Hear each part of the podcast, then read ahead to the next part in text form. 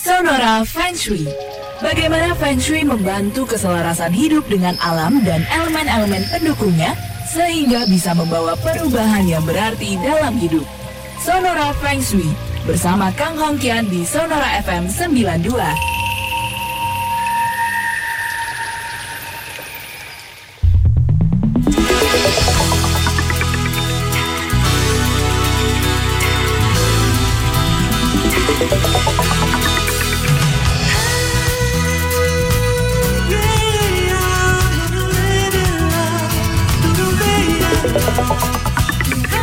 Selamat malam sahabat Sonora, selamat malam juga untuk Anda yang menyaksikan dari YouTube-nya Kang Hongkian dan juga YouTube dari Sonora FM 92 Jakarta.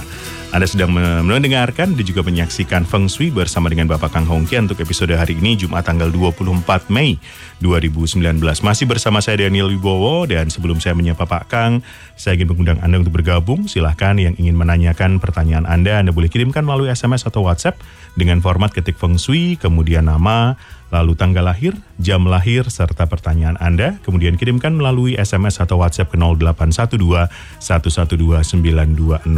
Sekarang segera saja kita sapa Bapak Kang Hongkian. Selamat malam Bapak Kang Hongkian. Selamat malam Bapak Daniel Wibowo. Gimana Pak Kang?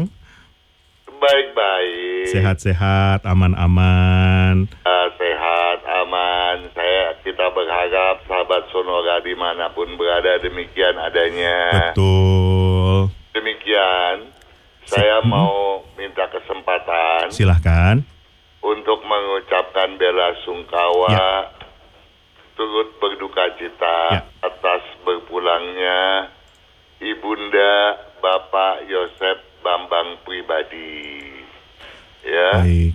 Ya, jadi saya juga mewakili semua sahabat dan juga sahabat-sahabat di PT Buku Pintar Indonesia yang menitipkan pesan duka citanya.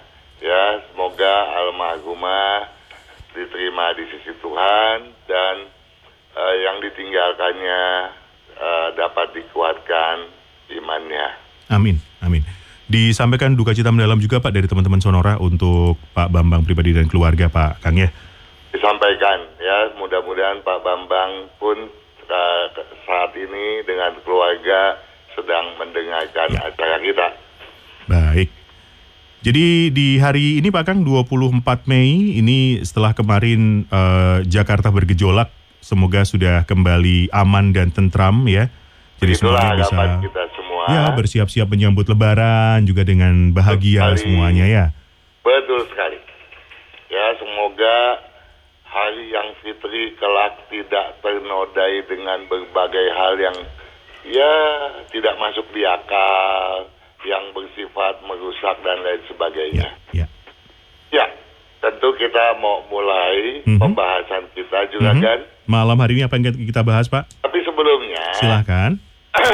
ada beberapa komentar dan pertanyaan ya Mm-mm. dari eh, YouTube ya Ya. yang mengatakan dari nickname-nya Santi Sri Kandi Mhm. dikatakan kapuk daerahku kok katanya. Wow. Kemarin kita bahas ada hantu di kapuk kala Iya. tahun 70-an ya. Iya. Dia bilang kapuk itu daerahku. daerahku juga dulu suka main ke sana.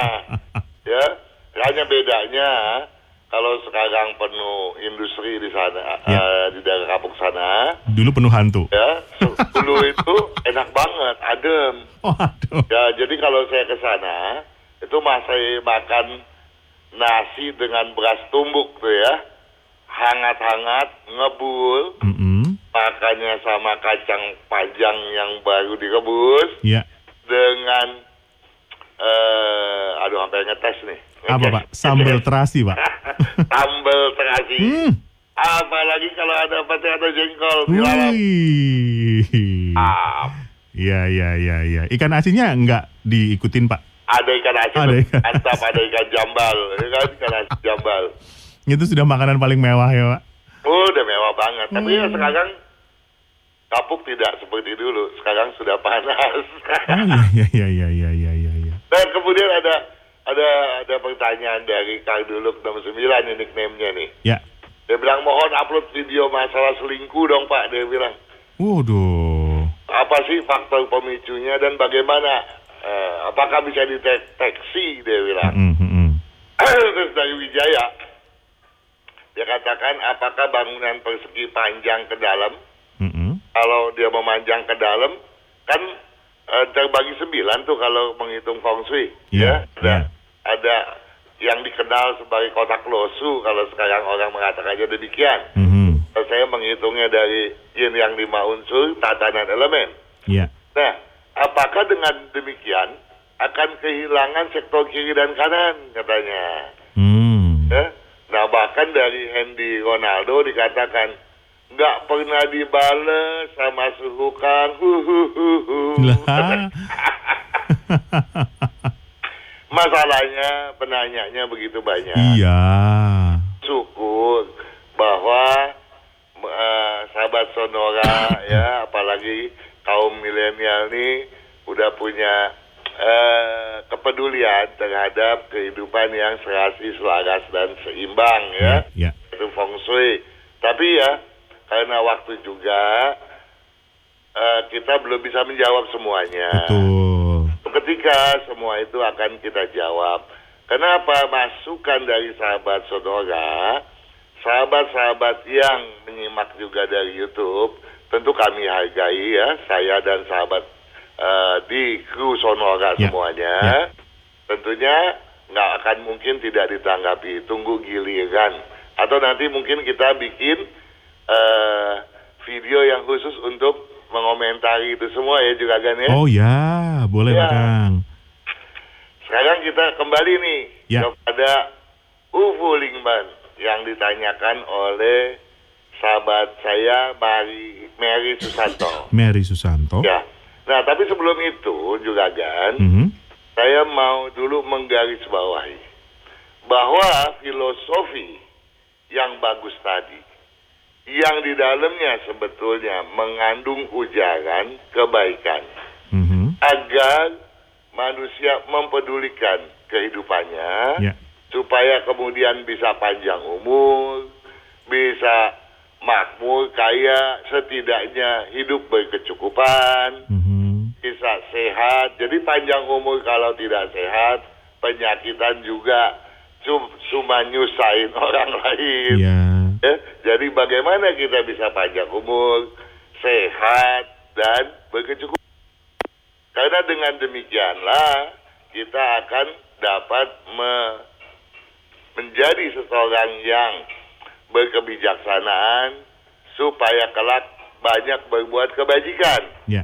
sehingga kita akan berpulang dengan kewajaran. Namun so- eh, juga kan sering kali bukan hal itu bukan ditindaklanjuti dengan cara bagaimana itu semua bisa dikondisikan dengan baik, Mhm. tapi kemudian dibuatkan perhiasan dengan tulisan eh, kelima eh, huruf yang mewakili panjang umur, makmur, sehat, kebajikan dan ke apa kematian atau meninggal dengan wajar itu dijadikan satu semacam eh, jimat gitu Mhm. Agar rezeki datang. Nah Ah. tentunya itu menjadi satu mitos. Ya. Seperti juga kalau eh, juga kan perhatikan Mhm. ketika kita menjelang setiap menjelang musim semi. Mhm. Kalau musim semi itu dirayakan dengan tahun baru Imlek kan. Betul. Banyak orang kemudian yang memasang aksara fu, keberuntungan, Mhm. atau yang berkelimpahan, hoki. Ya. Nah dipasangnya terbalik juga kan. Oh. Ya, dipasang terbalik supaya berbunyi keberuntungan yang tiada pernah habis, datang terus menerus. Oke. Ya, nah ini ini sebetulnya satu mitos, satu kekeliruan yang nggak perlu sebetulnya. Oh, nggak perlu dibalik. siapa ya. yang mulai bikin itu. bahkan bahkan angka-angka ini juga kan. Mhm. Angka-angka empat itu ditakuti. Kita pernah bahas tuh ya. Mhm. Katanya empat itu bunyinya si. Betul. Diartikan suangsi bahagia gitu kan. Ya. Kenapa sih angka eh, delapan itu eh, sangat disukai Mhm. karena bunyinya yang fat kaya gitu ya. Oke. Delapan itu nggak pernah putus kalau kita menulisnya. Jadi eh, terus aja berputar tanpa henti. Jadi ada keberuntungan yang tidak pernah habis-habisnya. Mhm. Ini semua adalah mitos. Bukan berarti kemudian kita punya nomor handphone angkanya 8 berderet kemudian order masuk terus. Oh iya iya iya iya iya iya. iya. ada lagi juga kan yang lebih ekstrim. Mhm. Karena rumahnya nomor 4, kepengennya nomor 8. Rumah yang nomor lainnya juga dianggap kurang hoki, maunya 8. Sampai satu dia panjang jalan nomor 8 ada beberapa. 8 A B C D gitu ya bang. Nah, bikin bingung nggak? Jadi di sepanjang jalan habis nomor 8, 9, 10, 11, 8 lagi dia. Nah itu bukan cuma kantor pos, tukang pos, Uh-uh. atau ekspedisi Mm-mm. yang jadi bingung juga kan. Mhm. Itu yang namanya GPS juga bingung dia kapan berhentinya. dia nggak bisa bilang Anda sudah sampai di di tempat yang Anda tuju, nggak bisa. tuh. Balik lagi loh nomornya. Nah, jadi ini ini semua mengacukan sehingga kadang-kadang ini jadi masuk ke dalam ranah feng shui. Feng shui kemudian dianggap sebagai sesuatu yang nggak nggak masuk di akal karena penuh dengan mitos. Padahal itu tidak ada kaitannya dengan feng shui sama sekali gitu ya.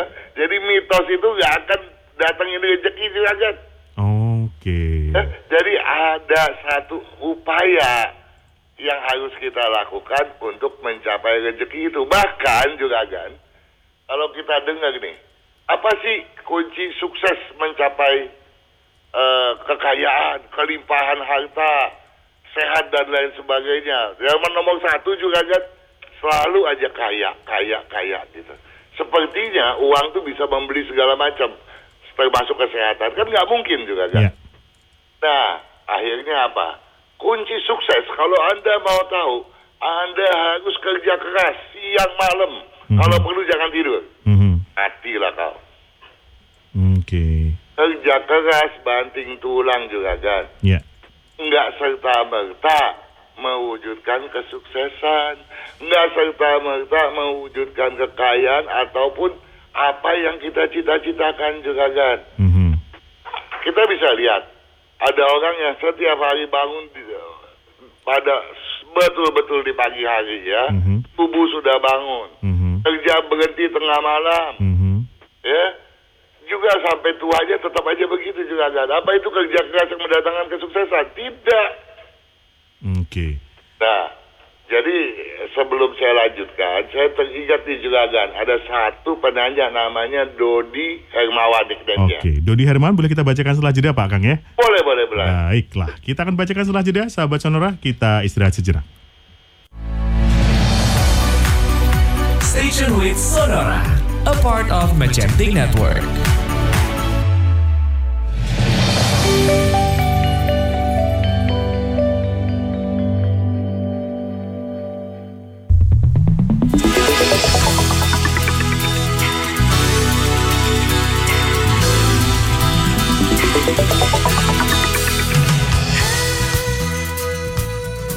Sahabat Sonora, selamat malam kembali untuk Anda yang baru saja bergabung dan mendengarkan Feng Shui malam hari ini. Kita masih akan berbincang bersama dengan Bapak Kang Hongkian sebelum nanti akan kami bacakan pertanyaan-pertanyaan Anda yang sudah Anda kirimkan melalui SMS atau WhatsApp di 081211292200. Yang mendengarkan dari YouTube, yang menyaksikan dari YouTube, ya Kang Hongkian dan juga Sonora, selamat malam.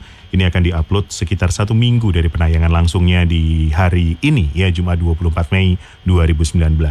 Jadi gimana Pak Kang tadi cerita tentang Dodi Hermawan Pak? Iya, tapi sebelumnya nih juga. Ya. Sepertinya Mm-mm. pembahasan kita mengenai lima kunci rezeki. Mhm. Judulnya itu, kalau kita bicara UFO Lingman, Mhm. itu kita bilang lima pintu keberuntungan sudah datang. Oke. Tapi pintu kan perlu ada kuncinya juga kan. betul betul betul. Jadi, kelihatannya kita punya pembahasan tidak singkat, agak panjang. Agak Jadi, panjang. tolong dimaklum, Mhm. kita nggak akan selesaikan dalam minggu ini, Mhm. tapi kita akan selesaikan sampai kapan pun. Mhm. Nah ini adalah satu cara bagi sahabat Sonora untuk mewujudkan kesuksesannya. Baik. Nah, berkaitan dengan tadi kita punya pembicaraan, Mhm. ada nickname Dodi Hermawan. Ya. Dia tanya, kenapa sih logonya binary? Ya bilangan biner. Mhm. Ya, bilangan biner itu tidak berbeda dengan yin yang. Keseimbangan yin yang. Oke. 0101. Mhm. Kita pernah bahas bahwa bapaknya komputer itu adalah deka-deka. Alat hitung Tionghoa zaman dulu, Sipua, ya. Sempoa itu ya, Bang ya. Tempoa, Iya, sekarang dikenal sebagai aritmatika. Aha. Nah, itu adalah yin yang dan yin yang, ya. Oke. Kita nggak akan berpanjang di sana, nanti kita akan eh, muluk jauh lagi. Mhm. Tetapi kalau kita kaitkan dengan perilaku manusia, maka itu tidak berbeda dengan id, ego dan super ego. Mhm. ya, yang kata eh, kata eh, Freud itu adalah suara daripada perasaan kita, Mhm. suara daripada eh, kehendak kita, tapi ada kita yang harus menentukan. Apakah kita mau berbuat baik menuruti it atau sebaliknya menuruti super ego kita? Ya. Nah, dalam konteks ini kita tentunya tidak lupa bahwa dalam budaya filosofi Tionghoa kita mengenal yang namanya kecerdasan, pengetahuan, dan pengalaman. Kalau kecerdasan juragan itu merupakan bawaan lahir. Orang lahir aja sudah dibekali otak Ya. ada satu bahan untuk sebuah kecerdasan. Tetapi kecerdasan itu tidak serta merta akan mendatangkan kepandaian yang kita bisa gunakan dalam kehidupan ini. Mhm. Oleh karenanya, kita perlu banyak belajar, menimba ilmu pengetahuan formal dan informal. Mhm. Dan tentunya itu tidak membuat kita menjadi sukses. Jadi kalau kita cerdas saja, kemudian banting tulang, tanpa memikirkan adanya sebuah keseimbangan, tentu kita akan bisa kehilangan arah. Ya. Nah, oleh karena itu kita sangat membutuhkan pengalaman. Pengalaman dipupuk dari banyak berbuat kesalahan untuk kemudian diperbaiki juga kan. Ya. Jadi kalau kita ada kesalahan kemudian mundur, tidak berani mendobrak kesalahan kita, memperbaikinya, kemudian kita melarikan diri, ini tidak mungkin kita akan mendapatkan satu jalan yang baik untuk mencapai kesuksesan. Oleh karena itu juga kan, ada satu kata yang mungkin perlu diingat oleh sahabat Sonora, bahwa baik buruknya kuda dinilai dari perjalanan jauh. Tapi baik buruknya manusia dinilai dari perjalanan waktunya juga kan. Mhm. Kalau kuda, apakah dia bisa memacu begitu jauh, bermil-mil jauhnya, berkilometer jauh? Itu adalah kuda yang tahan banting, kuda yang bagus. Tapi manusia, bagaimana dia memanfaatkan waktu? Ya, waktu yang dapat digunakan untuk memupuk ya pengalamannya.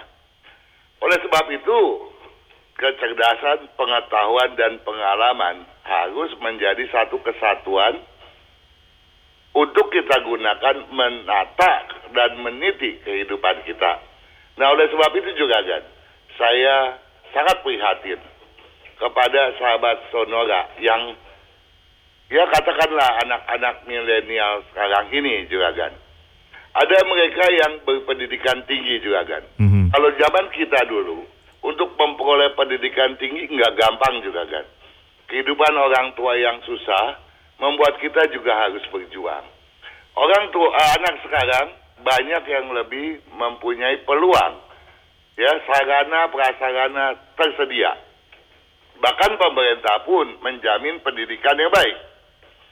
Nah, tetapi setelah dia menjadi menjalani pendidikan tinggi, mereka mau langsung jadi direktur Ya. juragan. Ya. Ya, jadi tanpa adanya pengalaman, mereka maunya yang tinggi. Kalau dimulai dari bawah, hina katanya. Saya sekolah tinggi-tinggi. Ya. Nah ada lagi juga kan, yang karena keluarganya keluarga kaya, katakanlah keluarga dari konglomerasi, dia selalu berharap kapan gua di hire, kapan gua dipanggil sama saudara gua untuk mengisi kedudukan yang bergengsi ini. Sebab gua mestinya karena gua masih punya ikatan keluarga, gua mestinya dapat jabatan presiden direktur, presiden komisaris, ya. Dia nggak berpikir ada pengalaman atau tidak di sana. Ya. Sebagai perusahaan yang profesional, nggak mungkin dong walaupun saudara dia tarik bisa nyusahin nanti juga kan. Betul. Nah, tapi bagi si anak milenial tadi karena terlalu berharap, dia lupa eksistensi dirinya. Pekerjaan yang dilakoni sekarang dia abaikan saja juragan. Seharusnya pekerjaan yang sekarang itu dijadikan ladang untuk menimba pengalaman. Nah, pengalaman inilah kemudian yang membentuk pengetahuan yang betul-betul dapat diandalkan. Nah, kalau ini dia dapat manfaatkan betul-betul, dia nggak perlu berharap atau bersandar pada siapa pun kok juga kan. Ya. Ya, dia bisa membuat satu perusahaan yang jauh lebih besar. Mhm. Kenapa tidak juga kan? Nah, oleh sebab itu kewajiban kita untuk mengupas ya lima pintu, lima kunci untuk membuka pintu keberuntungan tadi supaya sahabat Sonora menjadi sukses yang berkesejatian. Ya, Baik. sampai di sini akan kita lanjutkan lagi minggu depan. Baik. Berapa minggu pun kita akan tuntaskan juga kan. Baiklah. Kita harus jeda di sini, Pak Kang. Oke juga kan. Baik sahabat Sonora mohon bersabar. Setelah ini akan kita bacakan pertanyaan-pertanyaan Anda di sesi yang ketiga hingga keempat sampai dengan jam 9 malam nanti. Ya terima kasih yang sudah mengirimkan pertanyaannya. Mohon maaf eh, mungkin tidak bisa semuanya kami bacakan tapi silahkan terus kirimkan melalui SMS atau WhatsApp di 081211292200. Feng Shui kembali saat lagi.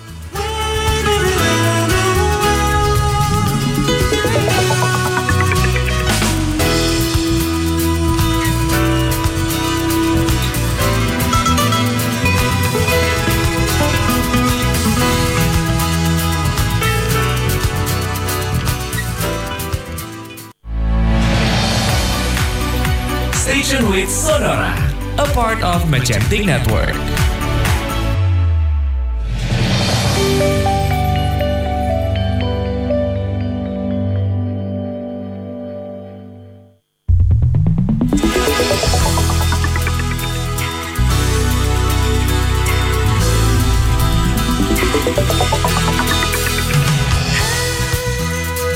Saatnya kita bacakan pertanyaan Anda sahabat Sonora yang sudah Anda kirimkan ke 081211292200.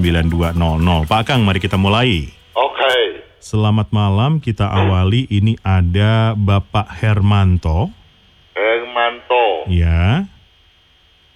Tanggal lahirnya tanggal 2 Tanggal 2 bulan 10 bulan 10 tahun 61. tahun 61 Ya, jamnya jam 7.24 pagi. 724 pagi. Betul. Kemudian istrinya Ibu Haryani, Haryani. betul. Oh ini klop banget Hermanto Haryani. Iya. Hahaha. Hahaha, tanggal 9 Tanggal 9 Januari Januari tahun 54. 1954. 54. Ini jamnya nggak diketahui tapi. Baik.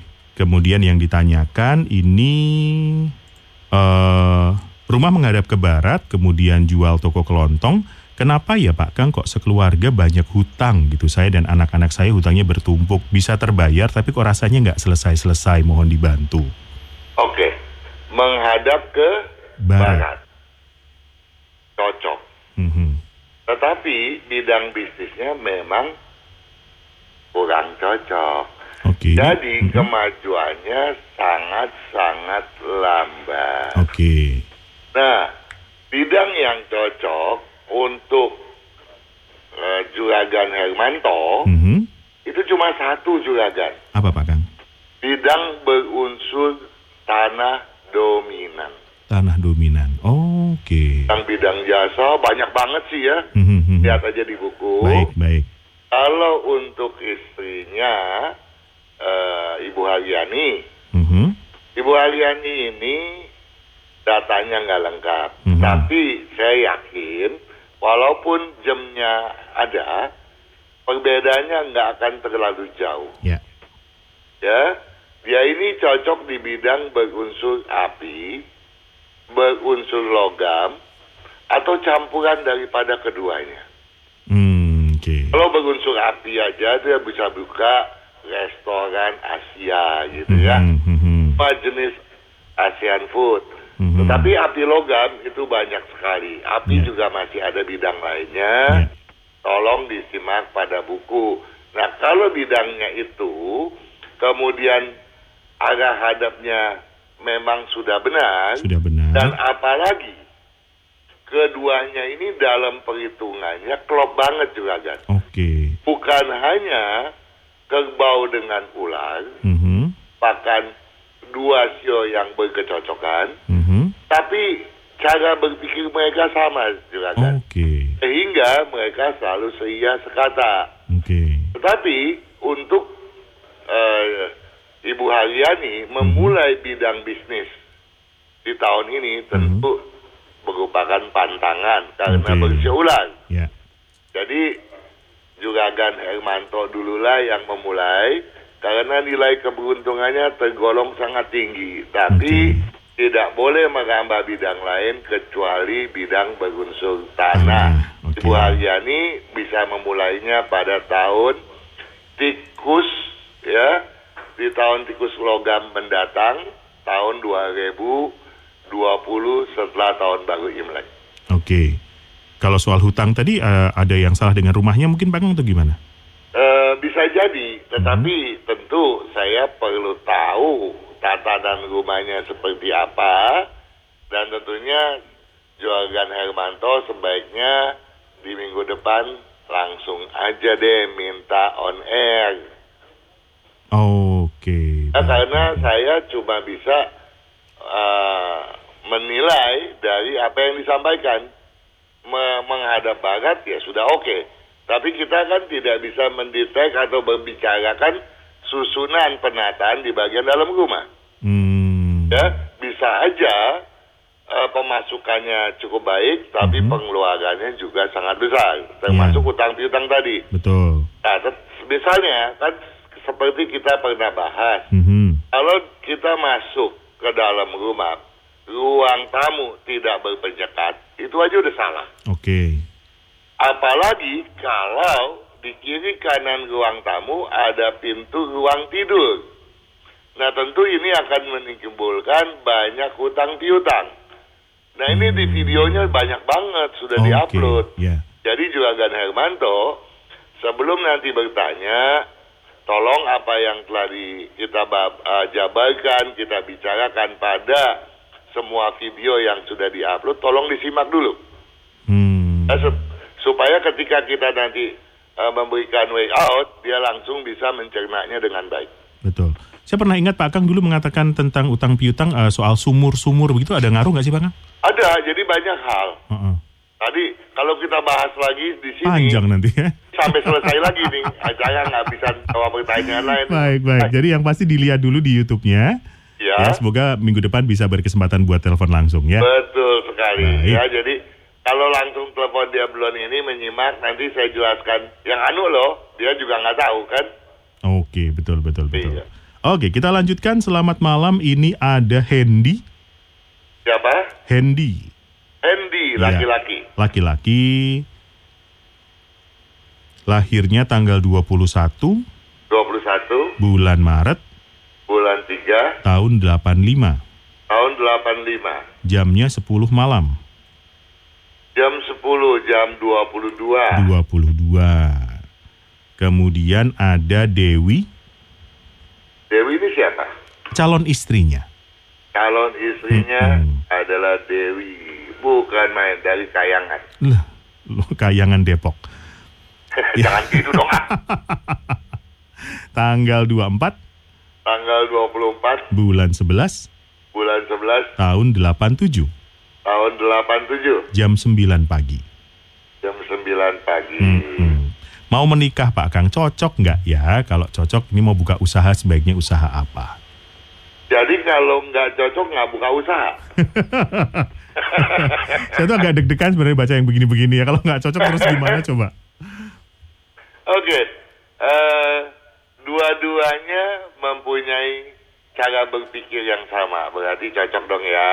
Mhm. Nah, kecocokannya, uh, cukup bagus di atas rata-rata. Oke. Ah, asalkan rumahnya menghadap ke timur atau ke timur laut, Mhm. tidak ada masalah. Mm-mm. Kenapa? Karena kedua-duanya memiliki kemampuan bisnis yang baik, Oke. ya, terutama Dewi, gitu ya. Jadi, jadi Dewi harus banyak memegang peranan. Eh, namun demikian, ada dua hal yang perlu diperhatikan.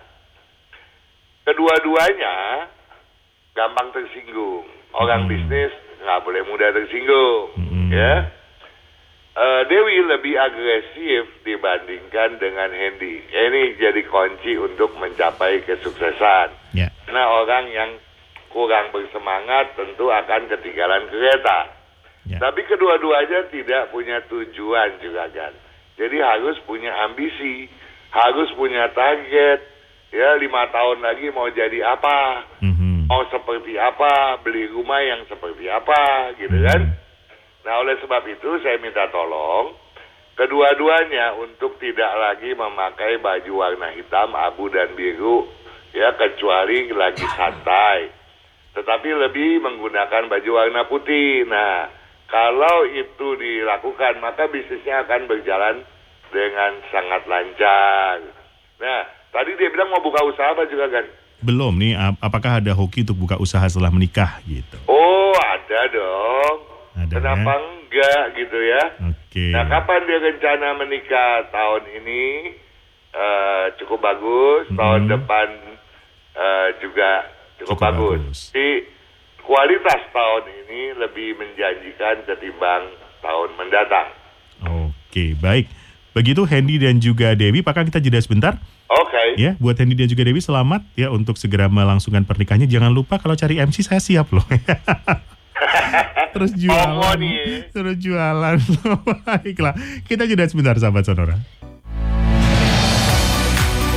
Station with Sonora, a part of Magentic Network.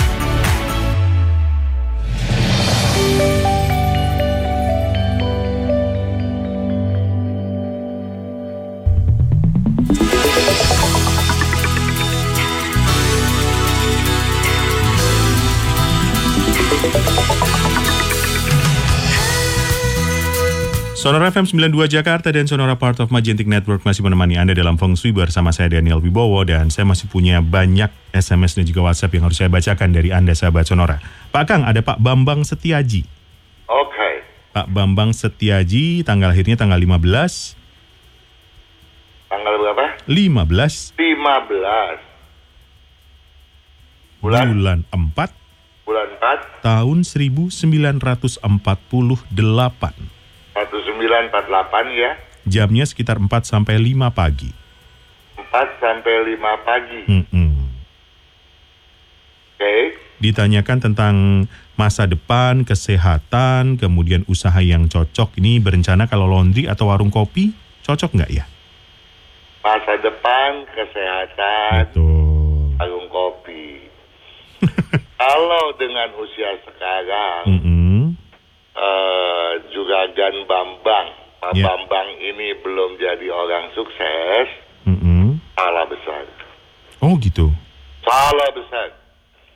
Kemampuan bisnisnya sangat tinggi. Sangat tinggi. Kemampuan negosiasinya luar biasa. Luar biasa. Disiplinnya sangat bagus. Apanya Pak Kang?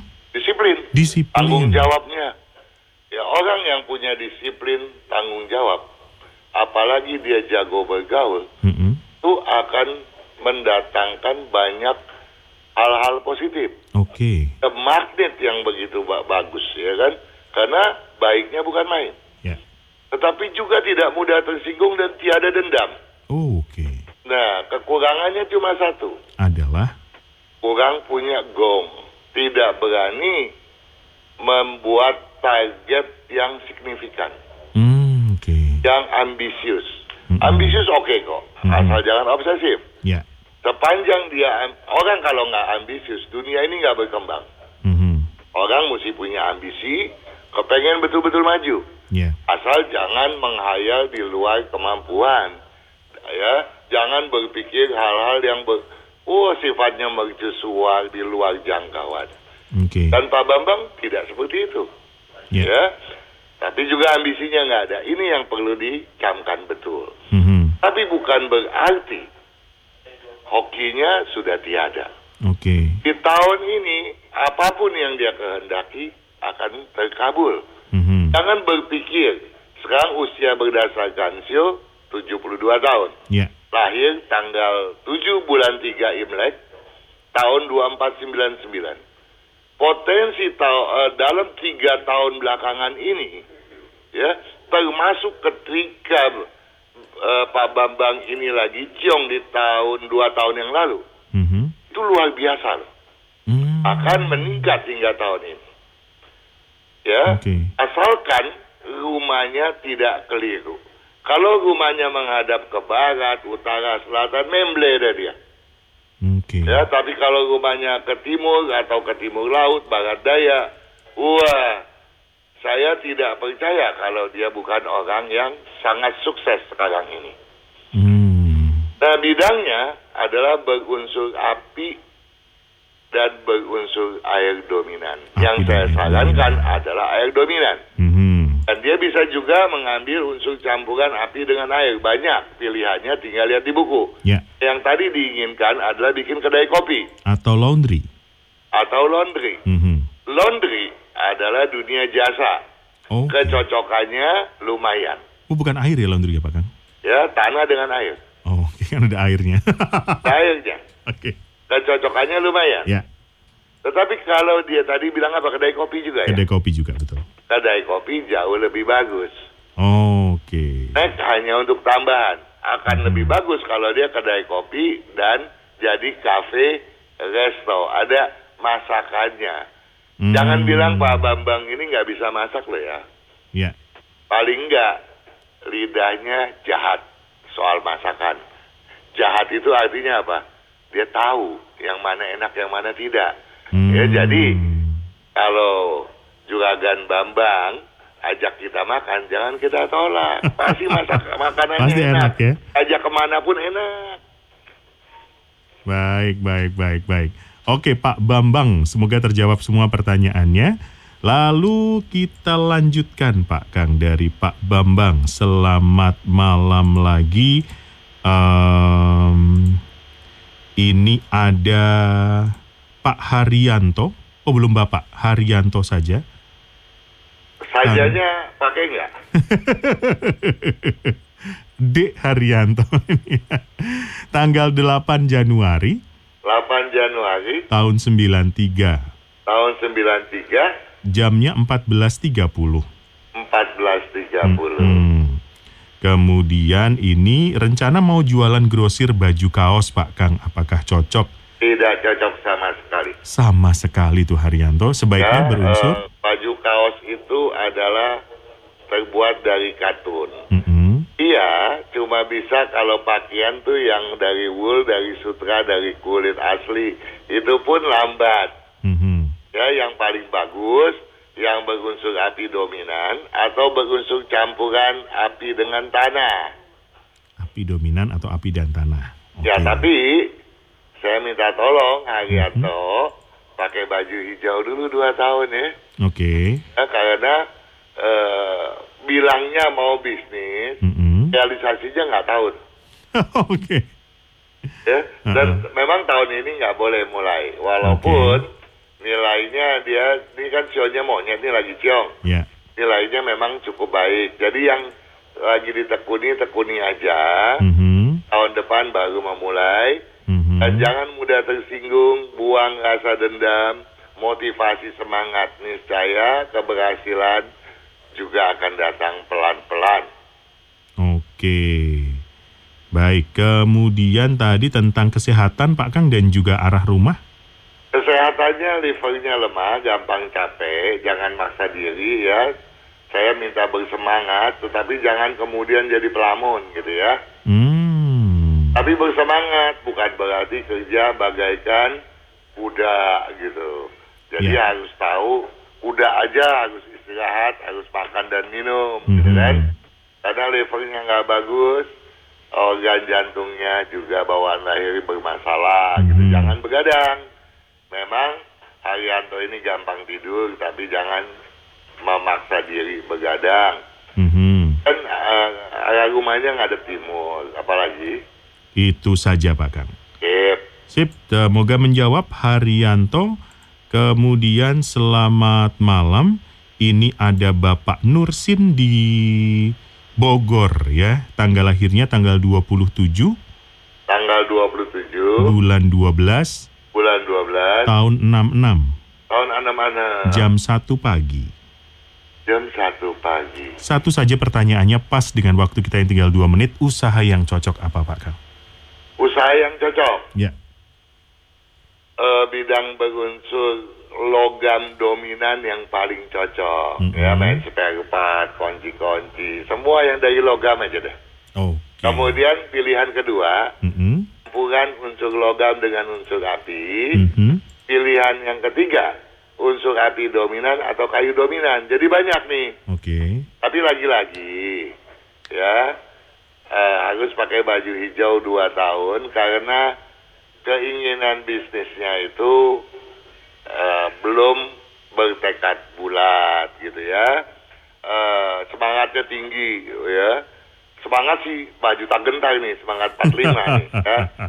Nah, disiplinnya harus ditingkatkan Ya. dan jangan mudah tersinggung. Kalau itu bisa, nggak ada halangan untuk menggapai kesuksesannya. Oke, baiklah. Waktu kita tinggal 30 detik, Pak Kang. Ada yang mau disampaikan untuk sahabat Sonora? Silahkan. Ya, yang penting sahabat Sonora di mana pun berada, kesuksesan Anda adalah harapan kita semua ya, perjuangan. Betul. Ya, agar eh, apa yang telah kita sampaikan dapat bermanfaat. Nah, untuk itu yang kita sedang bahas sekarang ada lima kunci kesuksesan dan mencapai hal itu saya tidak mau sembarangan mengupasnya. Jangan sampai ada timbul kesalahpahaman Ya. atau kesimpang siuran persepsi Betul. ya kalau eh, terjadi hal seperti itu yang kita maksudkan salah dipandang bukannya kemajuan yang didapat nanti ah, malahan cuma memupuk hal-hal yang bersifat negatif destruktif lebih percaya kepada mitos daripada kepada keseimbangan logika dan nalurinya ya jadi Eh, untuk mencapai kesimpulan pembahasan. Sebaiknya pembahasan kita sejak minggu lalu disimak baik-baik pada setiap minggunya sampai pada kesimpulan yang betul-betul dapat mencerahkan masa depan Anda semua. Sahabat Sonora di mana pun berada. Baiklah. Terima kasih buat waktunya, Pak Kang. Kita ketemu minggu depan. Sama-sama Juragan, sukses selalu Juragan, sukses sahabat Sonora di mana pun berada. Selamat malam. Selamat malam juga buat Anda sahabat Sonora dan juga Pak Kang terima kasih buat yang sudah bergabung malam hari ini sahabat Sonora. Kita akan kembali bersama dengan Pak Kang minggu depan setiap hari Jumat jam 8 sampai dengan jam 9 malam. Jangan lupa saksikan siaran ulangnya di YouTube Kang Hongkian juga YouTube Sonora FM 92 Jakarta. Saya Daniel Wibowo. Selamat malam.